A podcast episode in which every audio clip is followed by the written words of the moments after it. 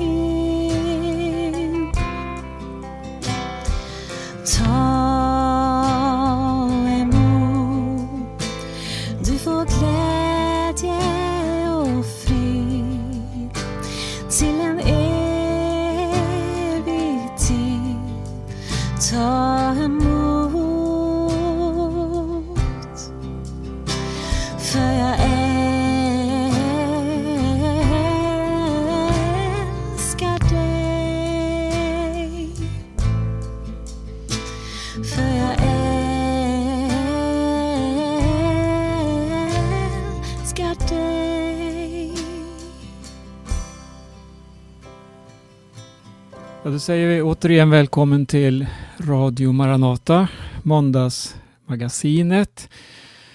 Och eh, vi eh, håller på och samtalar kring eh, bergspredikan. Det är Hans Lindelöf, Paulus Eliasson och jag, Berno Vidén. Och det är Sebastian Vidén som sköter tekniken. Paulus, du kanske kan ge oss en liten uppdatering här, en liten bakgrund till vad vi talar om. Mm. Ja, vi har ju gått igenom det som kallas för Jesu bergspredikan. Den eh, versionen som finns i eh, Matteus evangelium kapitel 5, 6 och 7. Det här finns, den här eh, texten finns ju också i en lite annan form i Lukas evangelium. Och det vi har sett i Matteus evangelium är att Jesus ger en introduktion till hur han önskar att hans folk ska fungera i världen. Eh, att vi ska vara salt och ljus i den här världen och att vi ska ha andra principer för hur vi lever, andra prioriteringar med någonting mer för ögat eftersom vi har, eh, då är delaktiga i Jesu rike. Så har vi sett hur, hur Jesus ser på förhållandet människor emellan när det gäller hat, när det gäller äktenskapet, när det gäller löften till varandra, eh, sanning och lögn och, och eh, hämnd och så vidare. Eh, och där Jesus ger de här grundlagarna och grundprinciperna för hur han önskar att hans folk ska, ska leva. Eh, sen så eh, har vi sett också på när Jesus talar om givande, eh, fasta, bön, eh, de här andliga disciplinerna eller vad man ska kalla dem för. Som, eh, som eh, eh, handlar om eh, vårt andliga liv om man säger så. Och att det ska vara ett liv som är riktat emot Gud eh, och, och inte emot människor. Och förra gången så stannade vi inför den här texten som, som handlar om att tjäna Gud eh, och mammon. Eh, rättare sagt tjäna Gud eller mammon. För Jesus säger att man kan inte tjäna både Gud och mammon. Och mammon i det här tillfället som en, Eh, är en eh, avgud så, där namnet betyder rikedom. Och det här har vi, eh, talade vi om då förra gången hur en kristen ska förhålla sig till rikedom och ägodelar och så vidare. Eh, så det är dit vi har kommit och nu har vi kommit till det sista kapitlet, kapitel 7. Mm. Och då inleder vi genom att läsa de fem första verserna i det sjunde kapitlet. Eh, De inleds så här då. Döm inte så blir ni inte dömda. Med den dom ni dömer med ska ni dömas och med det mått ni mäter med ska det mätas upp åt er. Varför ser du flisan i din broders öga men märker inte bjälken i ditt eget öga? Och hur kan du säga till din broder Låt mig ta bort flisan ur ditt öga när du har en bjälke i ditt eget öga? Hycklare, ta först bort bjälken ur ditt eget öga så ser du klart nog för att ta ut flisan ur din broders öga. Ja, här får vi ju uppmaningar eh, som handlar om, eh, vad ska man säga, den kristnes kännetecken. Hur, hur vi bör uppträda mot varandra. Jag, jag tänkte på det, här med att eh, det, det handlar om kritik här, va? Att, att döma någon annan. Och är det inte så att så fort man dömer någon annan då, då ställer man sig ett trappsteg över den personen och på något sätt är något för mer. Va? Ja, bara en kort tanke så här i inledningen. Men Jesus säger döm inte. Men, men, eh, samtidigt så har vi ju ord i Bibeln som talar om tillrättavisningar som lätt kan verka dömande men som ändå är viktiga om att förmana varandra. Om någon, man ser någon är på fel väg. Vad, vad handlar det här om då? Att vi inte ska döma men samtidigt så möter vi att vi bör döma vissa handlingar och ord och så vidare. Ja, jag kan ju börja med att säga någonting här om den här, om de här orden. Ehm, eh, jag, jag, tycker att det är intressant att Jesus säger det här med den dom ni dömer ska ni dömas och med det mått ni mäter med ska det mätas upp åt er. Eh, och det här, jag tror att det här handlar om väldigt mycket om livet här på jorden. För att vi vet att i Guds dom så ska vi inte dömas efter våra mått och efter hur vi har dömt. Utan vi ska dömas efter Guds mått och hur Gud ser på saker och ting. Men det är helt klart att, att det finns ett, ett mått av det här, precis som Jesus tidigare har sagt att om ni förlåter så ska ni bli förlåtna, men om ni inte förlåter så ska heller inte Gud förlåta er. Eh, och att eh, det, han, det handlar om att befinna sig, att placera sig själv i en annan situation. För att eh, jag tänker på mig själv, ta en sån enkel sak som, som jag inte tror är det Jesus pratar om här, men som kanske kan få en att förstå lite vad som är hans tanke. När jag är ute i trafiken och eh, ser någon som, som eh, eh, gör ett fel och framförallt ett fel som drabbar mig så reagerar jag väldigt starkt på det. Jag tycker det är hopplöst. Ser han inte, förstår han inte. Han kör ju för fort eller han, kör, han svängde in alldeles för nära min bil eller han, han gjorde det här felet eller gjorde det här felet. Eh, och, så, och så har jag väldigt lätt för att döma människor i den situationen. Men jag har väldigt lätt å andra sidan för att ursäkta mig själv när jag själv gör fel när jag själv glömmer att köra när det blir grönt eller när jag själv eh, kör för fort eller vad det nu handlar om så, så, har jag alltid någon ursäkt, jag har alltid någon förklaring för varför det blev så här för mig. Eh, men jag har aldrig någon förklaring för varför det blev så för den andra. Eh, och, och den här generositeten som vi ger oss själva i alla situationer, den borde vi vi borde hellre vända på det här och, och ge den här generositeten åt andra. Eh, för att vi vet inte vad den människan går igenom. Eller vad det, och så alltid tänka oss hur hade jag velat bli behandlad i den situationen. Det är ett sån, en sån sak som jag tror Jesus vill sätta fokus på här. För att vi ska kunna fungera tillsammans så kan vi inte gå runt och vara högmodiga och döma varandra utan vi måste eh, fungera som, som människor som, som ger varandra, som är generösa mot varandra eh, och ser att vi själva är bärare av en bjälke i ögat medan andra har en flis i ögat. Man, man riktar själv domen kanske mot sig själv. Så, så, får man en mer rätt inställning till, till det man vill kritisera egentligen. Eh, en, en vanlig människa hon, är, hon har väl som en naturlig utrustning det här att man är kritisk, man har sinne för olika saker och reagerar på olika saker. Men så finns det något som heter Kristi sinnelag. Att, att, att mer och mer likbildas Kristus. Och mångt och mycket handlar om att dö bort från sig själv och bli mer lik honom och låta honom få växa till och jag förminskas. Och det är också en process som jag tror att ja, som, som lär oss också att se då på andra människor. För när det handlar om en dom här, det är inte en dom mot onda ting som, som Jesus talar om här. Utan det handlar väl om att man dömer människor för att de gör fel saker. Men just det här att, att kunna göra det med ett rätt sinnelag, med rätt frimodighet och med rätt syfte. Inte att trycka ner människor och tala om hur fel de har, men syftet är väl att vi ska lyfta upp varandra, hjälpa varandra. Så att, eh, eller som Petrus skriver, gör allt ni kan för att er tro visa dygd, i dygden insikt, i insikten självbehärskning.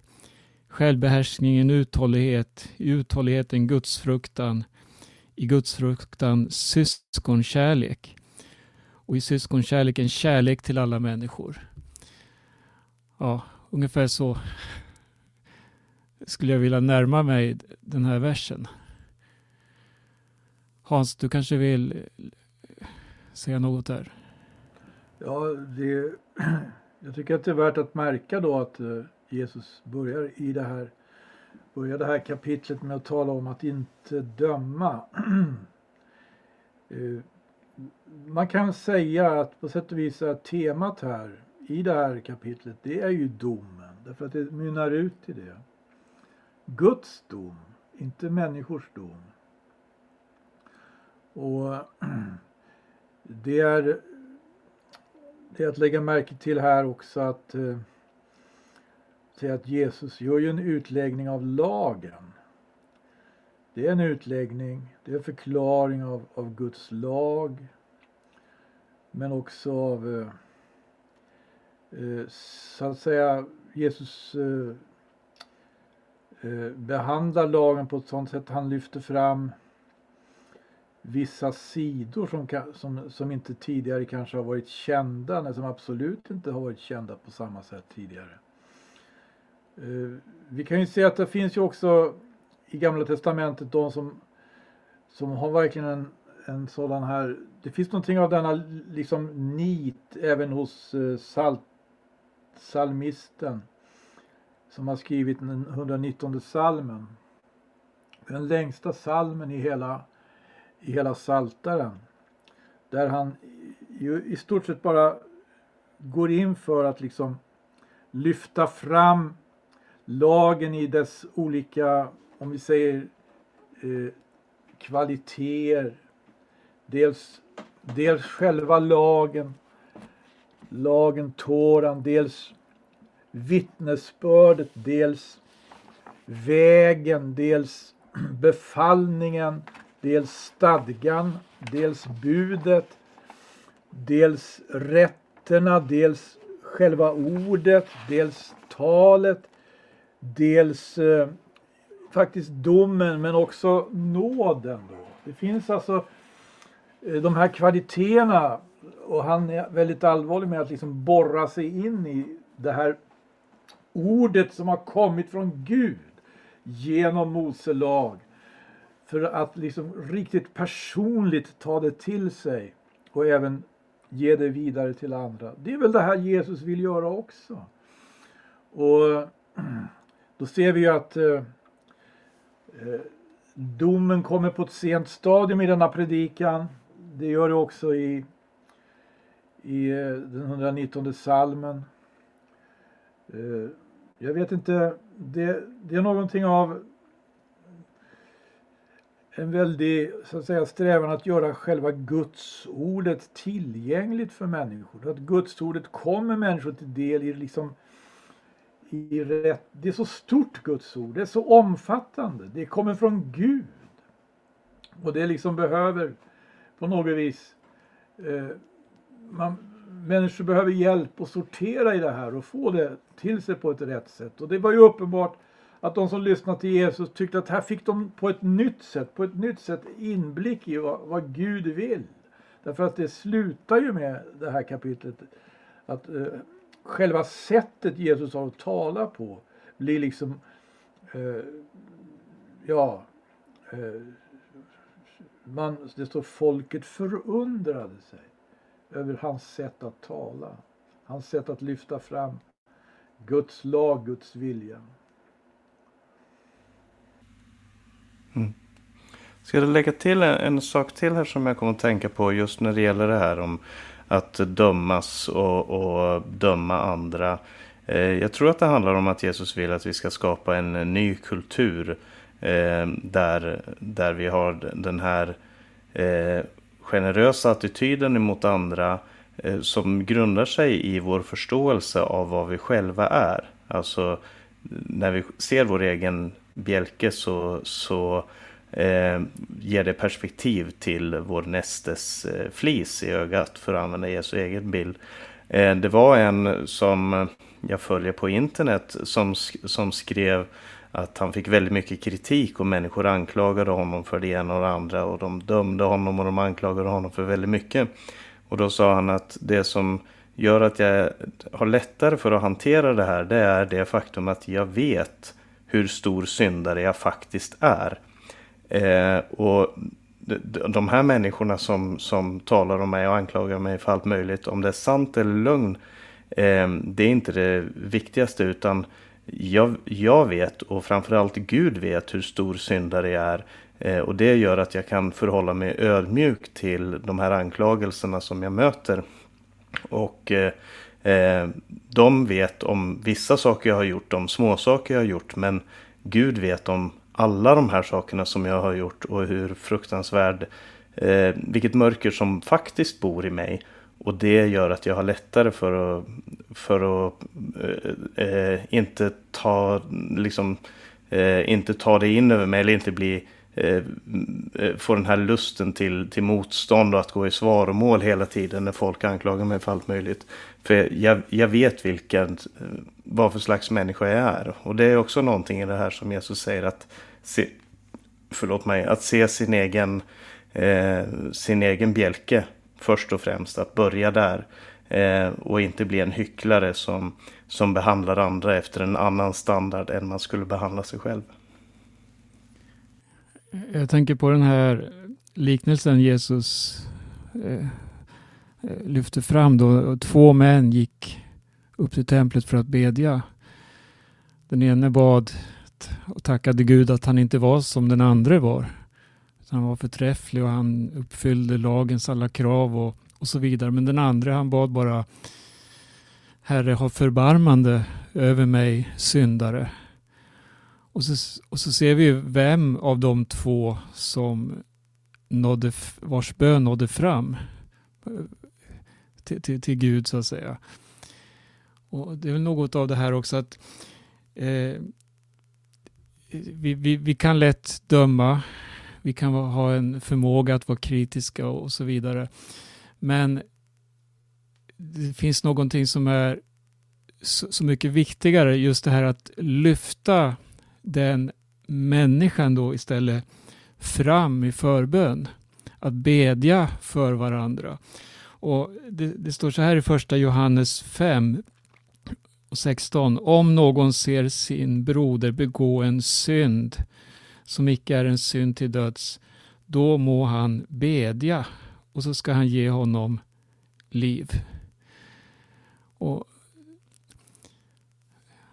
vi ska inte vara snara till att och förivra oss och tycka att nu har jag rätt och nu, nu sannoliken får du ändra dig. Nej, det, det, det, finns andliga lagar som vi måste böja oss för och låta Gud få forma oss, våra hjärtan, våra tankar och också våra handlingar. Ja.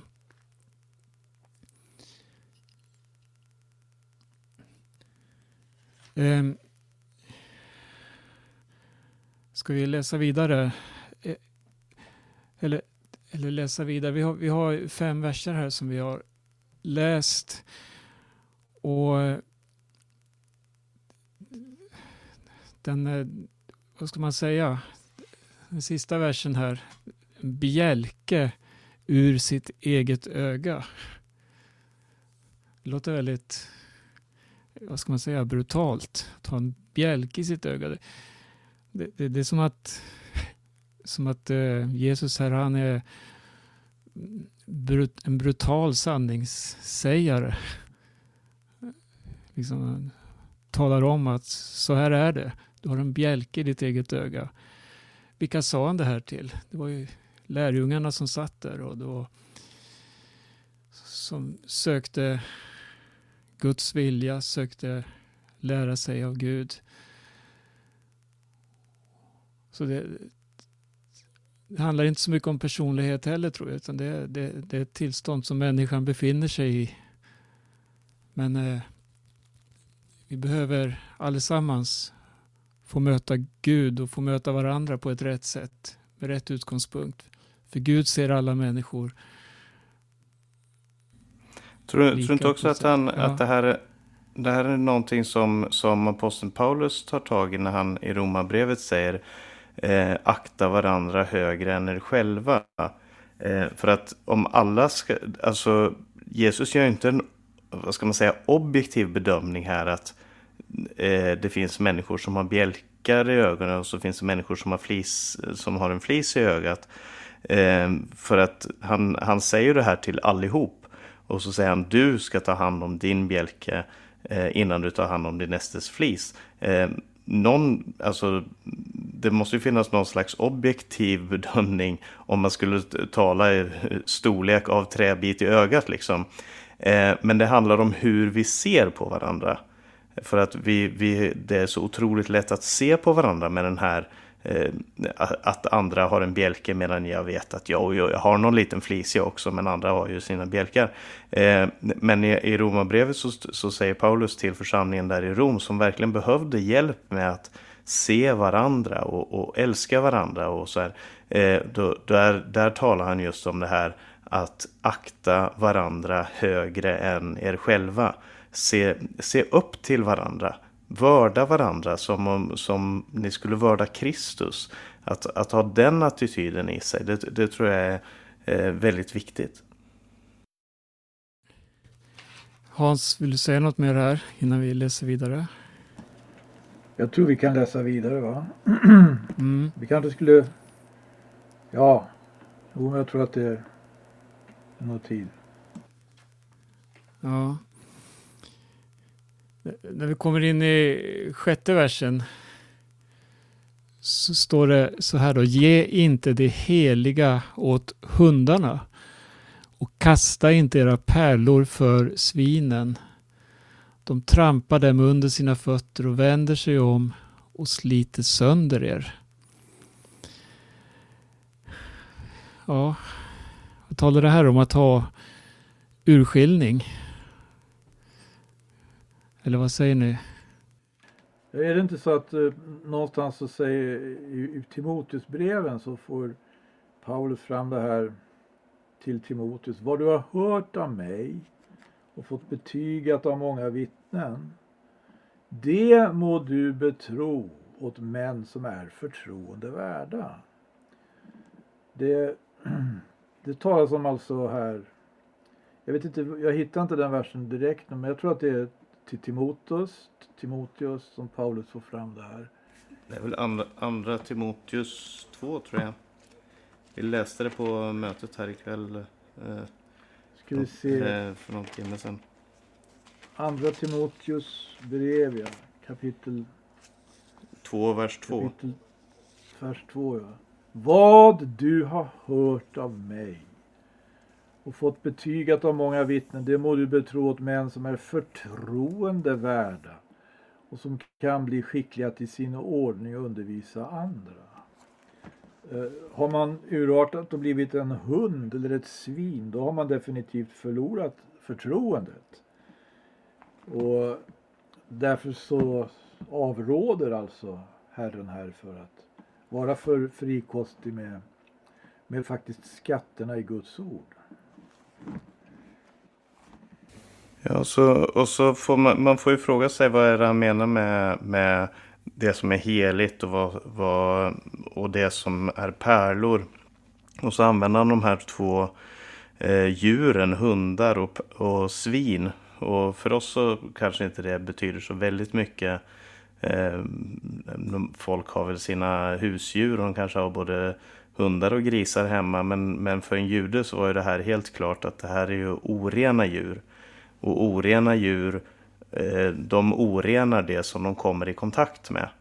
Eh, så när han talar om att ge det som är heligt till det som är, o, det som är orent så handlar det om, om eh, att inte bevara det som man har fått gett till sig som, som faktiskt är någonting värdefullt. Och här så eh, använder ju Jesus en, en, ska man säga, en genre eller en stil som, som handlar om, om de här ordspråk. Eh, Jesus talar ganska ofta i ordspråk, vi kanske inte tänker på det så mycket, men han, han sätter två saker emot varandra, han använder bilder som ofta används i ordspråk. Men man kan ju se att det finns ju många ordspråk i Ordspråksboken som, som säger någonting liknande som kanske ger mer ljus till det här. Till exempel i Ordspråksboken 9 och vers 7 och 8 så står det Den som tillrättavisar en hånare får ta emot hån. Den som förmanar en gudlös får förakt. Förmana inte en hånare, han kommer bara att hata dig. Förmana den som är vis, han kommer att älska dig. Eh, I i eh, Ordspråksboken 23 och vers 9 så står det Tala inte för en dåres öron, han föraktar dina ord. Och i 26 kapitlet i vers 11 så står det Som hunden vänder om till sin spya så upprepar dåren sin dårskap. Eh, och, och eh, Ordspråksboken och det Jesus talar om här, det, det handlar om, precis som du sa Berno, att, att visa en viss urskiljningsförmåga. För att sant att säga så är vi ju alla oheliga. Det finns ingen ibland oss som är heliga, men det finns någonting som vi har anförtrotts. Som Paulus säger att vi, denna skatt har vi i lerkärl. Eh, och den här skatten, den har vi fått att förvalta. Och precis som apostlarna på den tiden fick uppdraget att gå ut så har vi fått ett uppdrag att gå ut. Och i Matteus kapitel 10 så talar Jesus om till sina lärjungar när han sänder ut dem för att hela och förkunna evangeliet. Och sen om man inte tar emot er eller lyssnar till era ord så ska ni lämna det huset eller den staden, skaka dammet från era fötter. Jag säger er sanningen, Sodom och Gomorras land ska få det lindrigare på domens dag än den staden. Eh, och, och han, han uppmanar oss att inte söka efter effekten framför allt, utan att söka att vara trofasta. Och det tror jag också är väldigt viktigt. Eh, vi har fått ett uppdrag, vi har fått eh, som troende så har vi fått en eh, någonting anförtrott oss som är heligt och det ska inte behandlas eh, på ett oheligt sätt utan det ska verkligen förvaltas i gemenskapen. Mm. Det vi har fått är ju heligt. Budskapet vi har fått om Herren Jesus Kristus, det är det absolut mest förnäma som finns. Och att då dra ner det här budskapet i dyn, i smutsen på något sätt. Att, att handskas med det på ett sätt som eh, gör att det ja, presenteras på ett smutsigt sätt och så vidare. Det, det, det, det, är som att kasta pärlor för svin. Alltså att, att, att få det eh, budskapet då, att, förlora sin trovärdighet och så vidare. Det kan handla om vittnesbörd om oss själva, om vår frälsning. Det kan handla om vittnesbörd på olika sätt, förmaningar. Eh, eh, jag tänker på en sak i det här. Att Jesus, han, han talar om bekännelsen, vad vi ska lyfta fram. Det, det är egentligen inte vår frälsning och vad vi har fått uppleva och allt det här som är det centrala, utan det, det, det centrala i det hela det är ju att som Jesus sa, var och en som bekänner mig inför människorna. Just att den centrala sanningen det är, det är ingenting mindre än Jesus Kristus själv. Och det budskapet om Jesus, det är det som kan ge ett rätt ljus också. Eh, om vi då skulle se i de här situationerna med högfärdiga människor och människor som söker annat. Och Det var ju det som gav ljus till Paulus exempelvis när han mötte Jesus på vägen till Damaskus. För han var ju en, vad ska vi säga, en ond man som eh, förföljde Jesu lärjungar. Trodde han gjorde rätt men han, han förföljde med det ljus han hade. Och han hade säkert hört och sett vittnen och människor därom eh, som gav sitt liv för evangelium. Men det var när han fick ljuset över sig, när han fick möta Jesus själv. Och den bekännelsen, den, den, den tror jag är viktig här. Vi kan ju också se en, en, få en annan infallsvinkel på det här med hundar och, och, och, svin. Vi vet att Jesus vid ett tillfälle kallade ju en människa för hund. Indirekt visserligen. Men det fick mm. ju också den liksom att säga följden att eh, han fick en anledning att lyfta denna människa. Uh, och det, jag, vet, jag tror ni vet vem jag tänker på då. Det var alltså uh, den här kvinnan va. Som, uh, hon som inte var judinna, hon var Från kanan. Ja, Ja, precis. just det. Vi kan exempelvis läsa om det i Matteus evangeliets i Matteus 15 kapitel. Om att Jesus, det står i 15 kapitlets 21 vers. Jesus begav sig bort därifrån och drog sig undan till trakten av Tyros och Sidon. Då kom en kananeisk kvinna från det området och ropade och sa Herre Davids son, förbarma dig över mig. Min dotter plågas svårt av en ond ande. Men han svarade henne icke ett ord. Då trädde hans lärjungar fram och bad honom och sa Ge henne besked, hon förföljer ju oss med sitt ropande. Han svarade och sa jag icke utsänd till andra än till de förlorade fåren av Israels hus. Men hon kom fram och föll ned för honom och sa Herre hjälp mig. Då svarade han och sa det är otillbörligt att ta brödet från barnen och kasta det åt hundarna. Hon sa, ja herre, också äter ju hundarna endast av de smulor som faller från deras herrars bord. Då svarade Jesus och sa till henne, O kvinna, din tro är stor, ske dig så som du vill. Och hennes dotter var frisk från den stunden. Underbart! Va? Hur eh, eh, här kommer ju fram verkligen avsikten med alltså att eh, skilja sak från, det ena från det andra. Eh, Gud vill lyfta människan.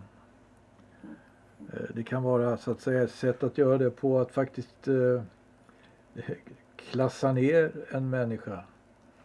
För att hon ska för att någonting ska provoceras fram i det här fallet. Det hon bar på det var verkligen inte en hundnatur. Hon bar en tro, bar på en tro som var värd att berömma. Och det lyfte ju henne. Det är sant. Vad heter det? Jag tänker på när, den här, när Jesus talade med kvinnan här och, och kallade henne för hund. Det, det finns ju de som har kritiserat den här versen och menat att Jesus han, han dömer då en kvinna här och jämställer henne med en hund. Och när Bibeln talar om hundar så är det ju vanligtvis ett uttryck eh, som handlar om lösgående hundar som äter avfall och som är en bild för orenhet. Men när man, när man ser på det grekiska ordet hund i just den här versen så, så, så är det annorlunda ändå.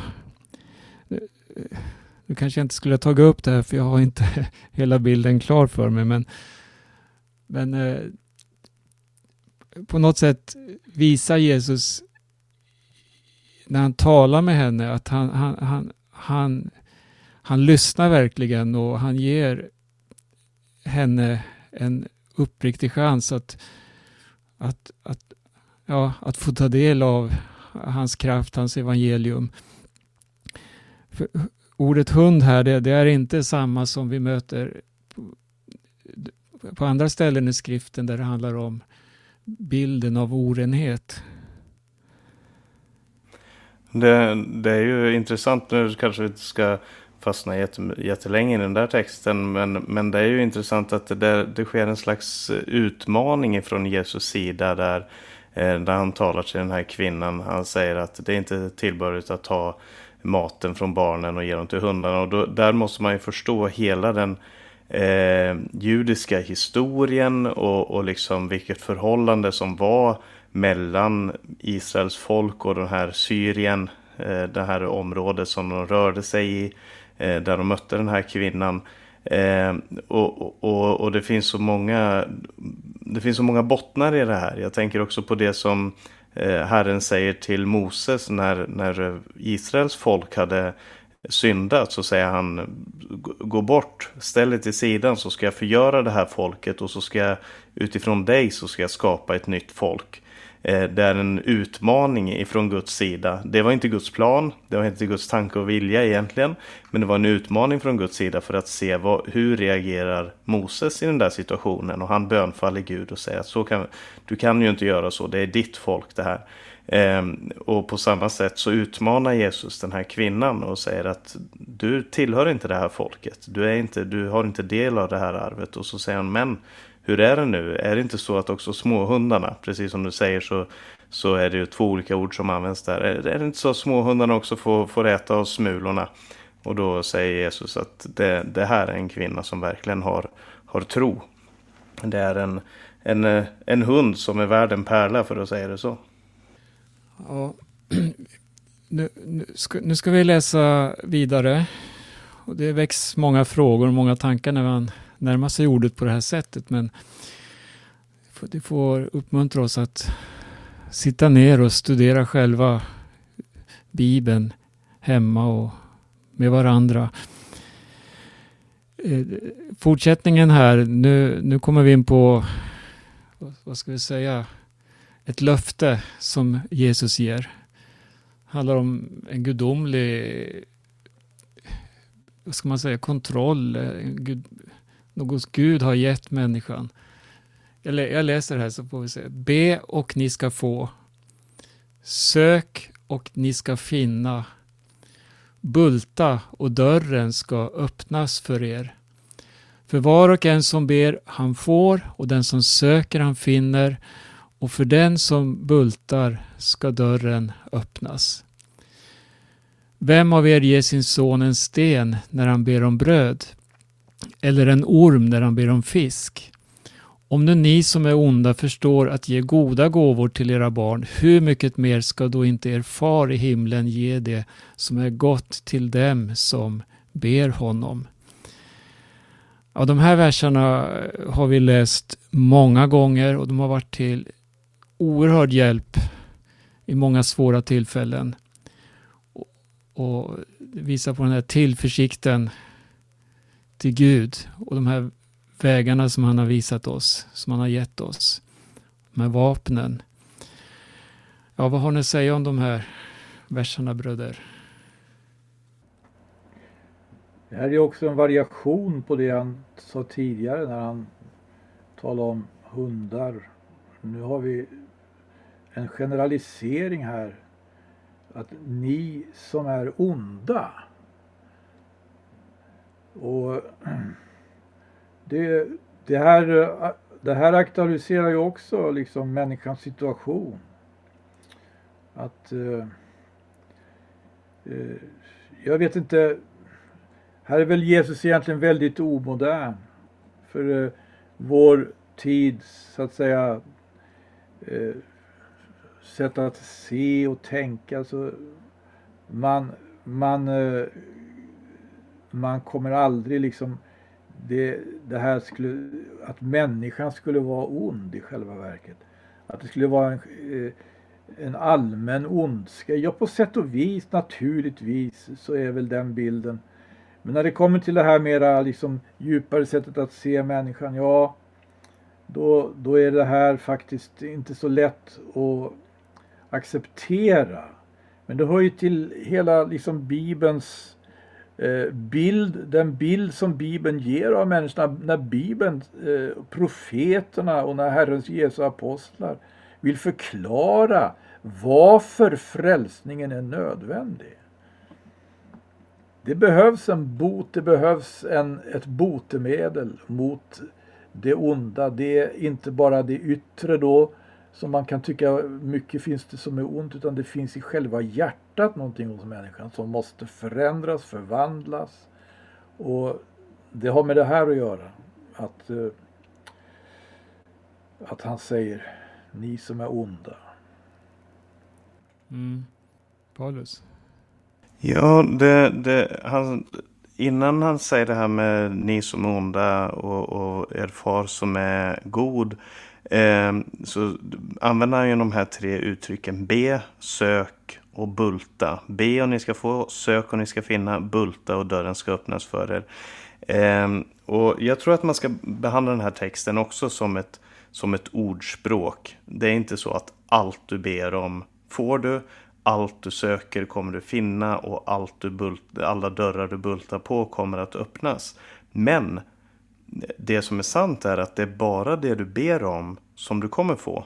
Det är bara det du söker som du kommer finna.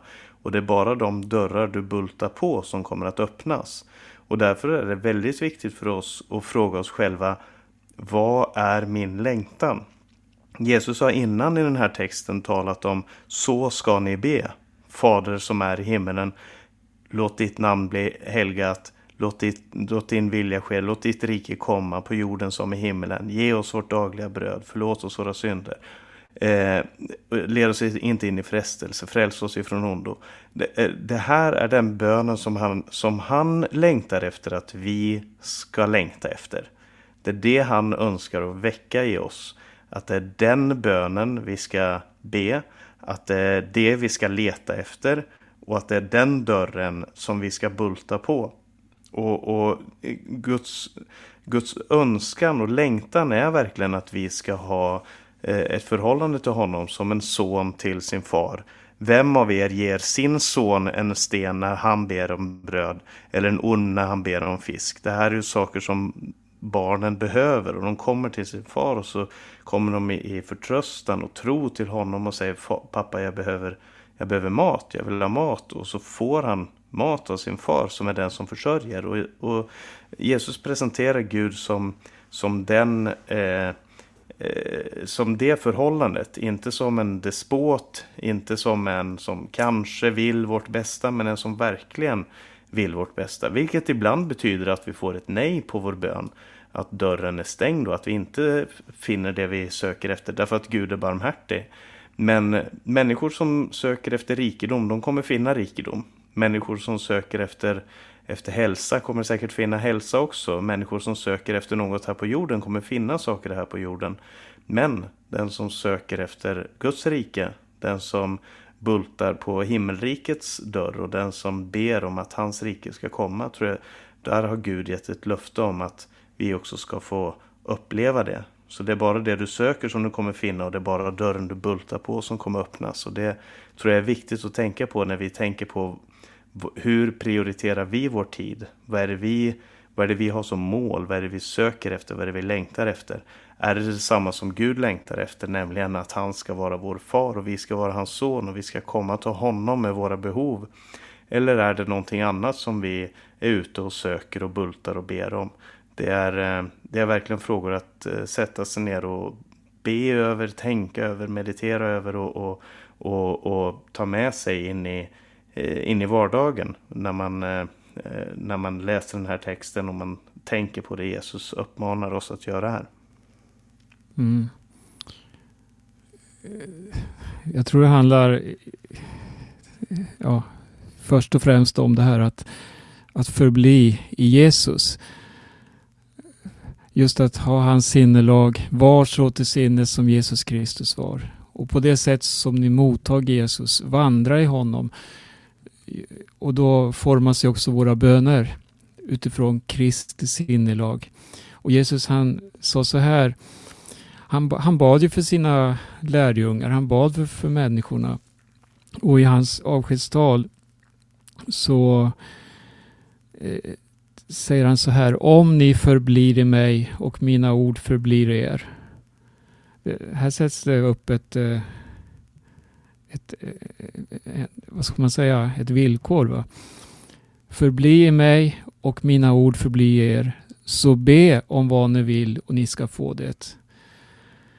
Så det, det är inte bara rös, lösryckta böner efter mitt sinne, mina önskningar och så vidare.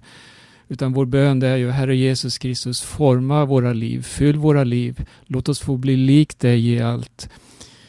Och utifrån det så, så, så, så beder vi också Herre om olika bönämnen. Vi lägger fram olika ting. Vi lägger fram våra liv, vår tjänst, eh, vår familj, vår, vårt dagliga liv, vår mat och så vidare. Och, men just det här att ha Kristi sinnelag, det tror jag är väldigt viktigt också i bönen. Vi är beroende av Gud. Och han har gett oss den här vägen. Bed och ni ska få. Att be handlar ju om att bekänna sitt beroende, precis som du säger där.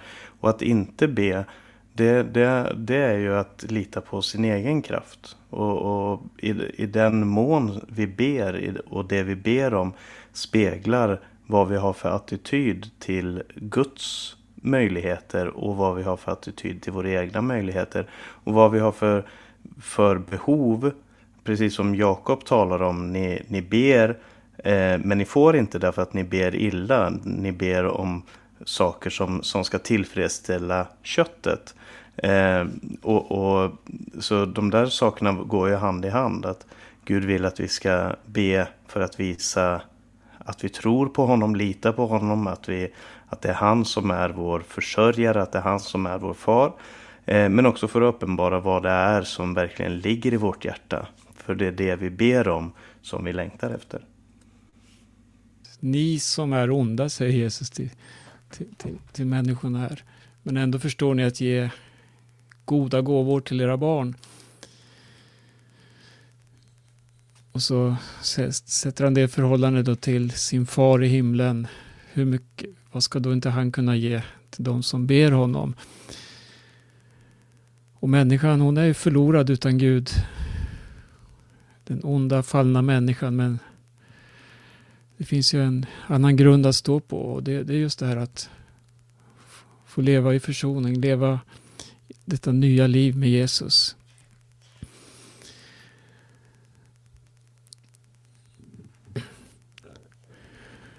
Och så, vi läser nästa vers också. Alltså allt vad ni vill att människorna ska göra för er, det ska ni göra för dem. Och så säger han, detta är lagen och profeterna. Vad säger vi om den versen?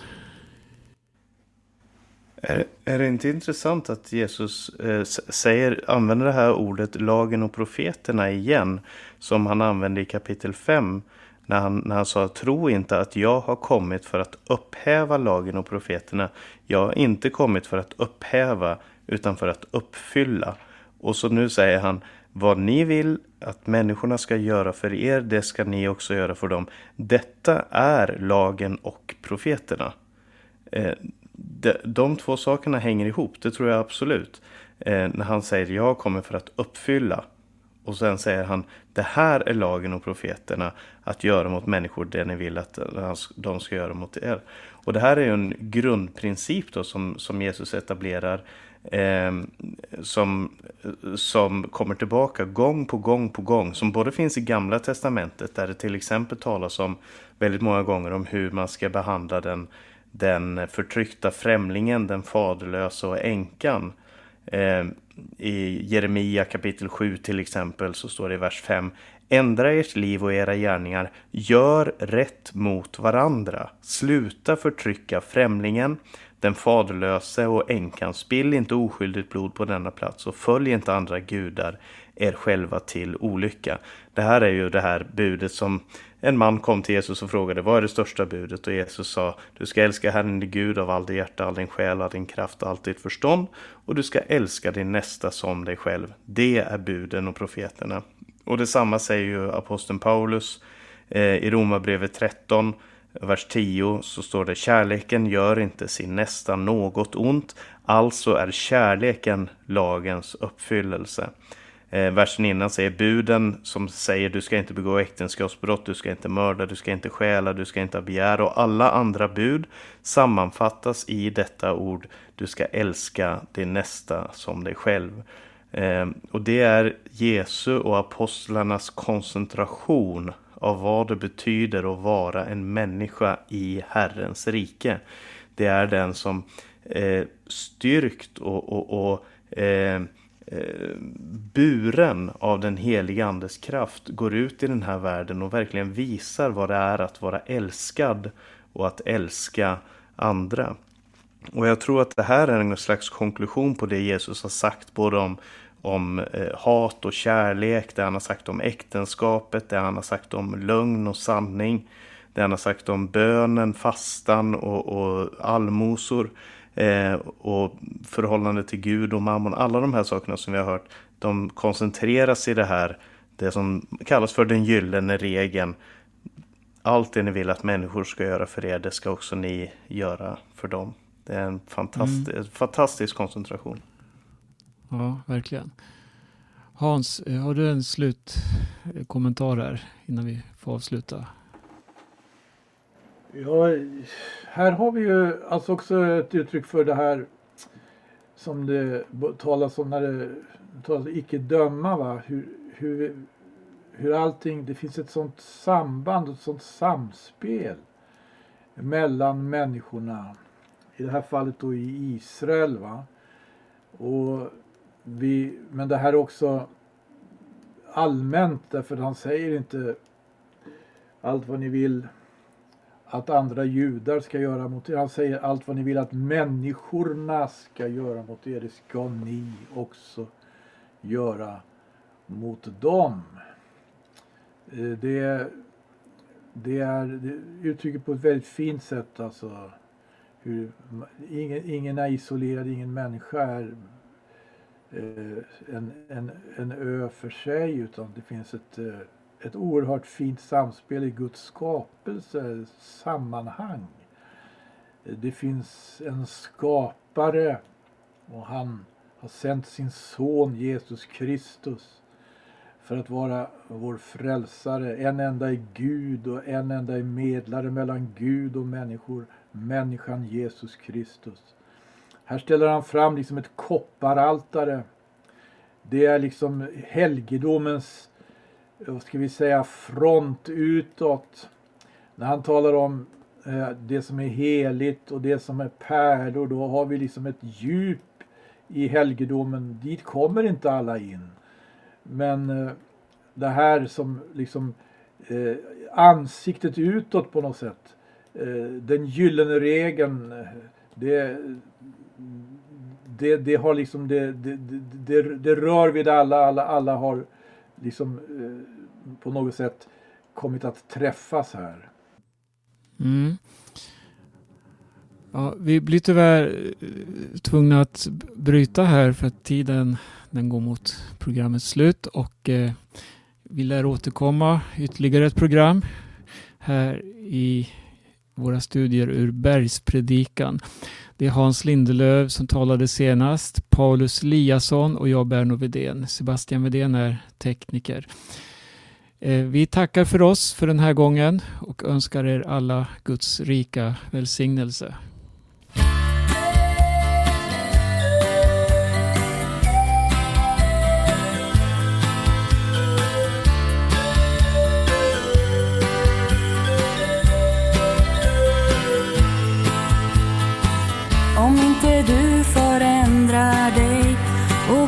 Som ett litet barn kan du inte komma till himlen. Jesus sa, om inte du förändrar dig och blir som ett litet barn kan du inte komma till himlen. Du måste bli som ett barn.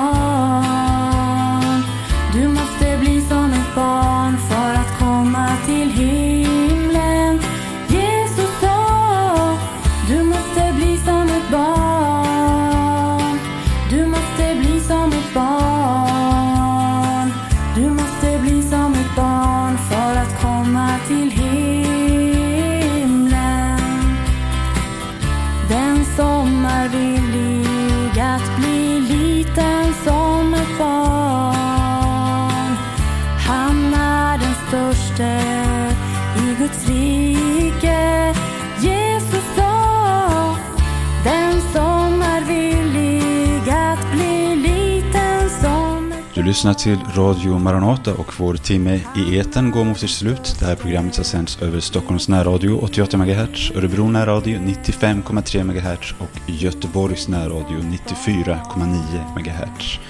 Vi hörde tidigare i programmet Berno Widén, Hans Lindelöf och Paulus Eliasson i den åttonde delen i serien om Bergspredikan. Vi hörde även Magdalena Lindros sjunga en sång i början och just nu hörde vi Linda Boman som sjunger. Vill du ha kontakt med oss, vill du ha mer information så är du välkommen att besöka vår hemsida på www.maranata.se eller ringa 070-201 60 20. Jag vill även återigen passa på att bjuda in till bibeldagar den 6-10 oktober i Långshyttan. Mer information finns på vår hemsida www.maranata.se. Med de orden önskar jag dig Guds rika välsignelse och på återhörande snart igen i Radio Maranata.